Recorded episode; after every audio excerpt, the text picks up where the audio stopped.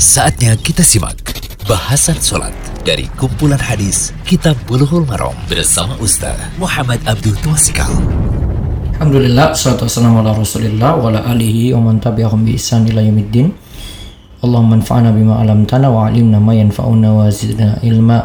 Kali ini kita berada di audio ke-133 dari kitab Bulughul Maram karya Imam Ibnu Hajar al-Asqalani, kitab salat masih bab sifat sholat. Kita lihat tentang bacaan ba'da sholat yaitu baca ayat kursi. Hadisnya hadis 326 atau hadis ke-60 dari pembahasan sifat sholat.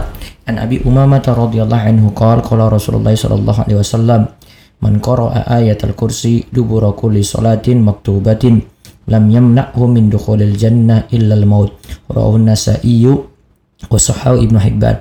Dari Abu Umamah radhiyallahu anhu ia berkata bahwa Rasulullah Shallallahu Alaihi Wasallam bersabda barang siapa membaca ayat kursi setiap selesai sholat fardu, maka tiada yang menghalanginya masuk surga kecuali maut atau kematian.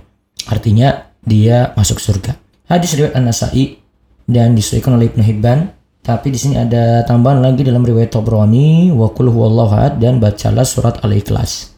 Walaupun hadis riwayat Tobroni ini mendapatkan uh, kritikan dari para ulama, tapi nanti akan dikuatkan dengan hadis yang lainnya nanti akan disebutkan.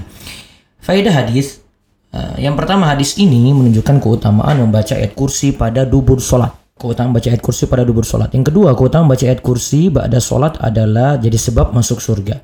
Yang ketiga, dubur sholat yang dimaksudkan dalam bahasan ini adalah ba'da salam. Karena letak baca Al-Quran letak membaca Al-Quran adalah saat berdiri dalam sholat bukan sebelum salam. Dan ini sudah jadi syarat kalau dubur sholat yang dimaksudkan untuk bahasan ini adalah ba'da salam. Kemudian yang keempat, kandungan dari ayat kursi adalah berisi penjelasan dasar-dasar nama dan sifat Allah tentang keesaan Allah, sifat Allah yang maha hidup, sifat Allah yang qayyum, tidak bergantung pada makhluknya, sifat ilmu, menguasai kemampuan Allah dan kehendak Allah. Sedangkan kandungan dari surat Al-Ikhlas adalah membicarakan tentang sifat-sifat Allah secara khusus. Kemudian dalam hadis Uqbah bin Amir juga ada anjuran membaca surat Al-Mu'awwidzat. Hadisnya adalah dari Uqbah bin Amir radhiyallahu anhu ia berkata, "Amaroni Rasulullah sallallahu alaihi wasallam an aqra al-mu'awwidzat dubura kulli salatin." Rasulullah SAW memerintahkan padaku untuk membaca mu'awwidzat di akhir salat yaitu sesudah salam. Hadis ini riwayat An-Nasa'i dan Abu Dawud Syekh Al-Albani mengatakan bahwa hadis ini sahih.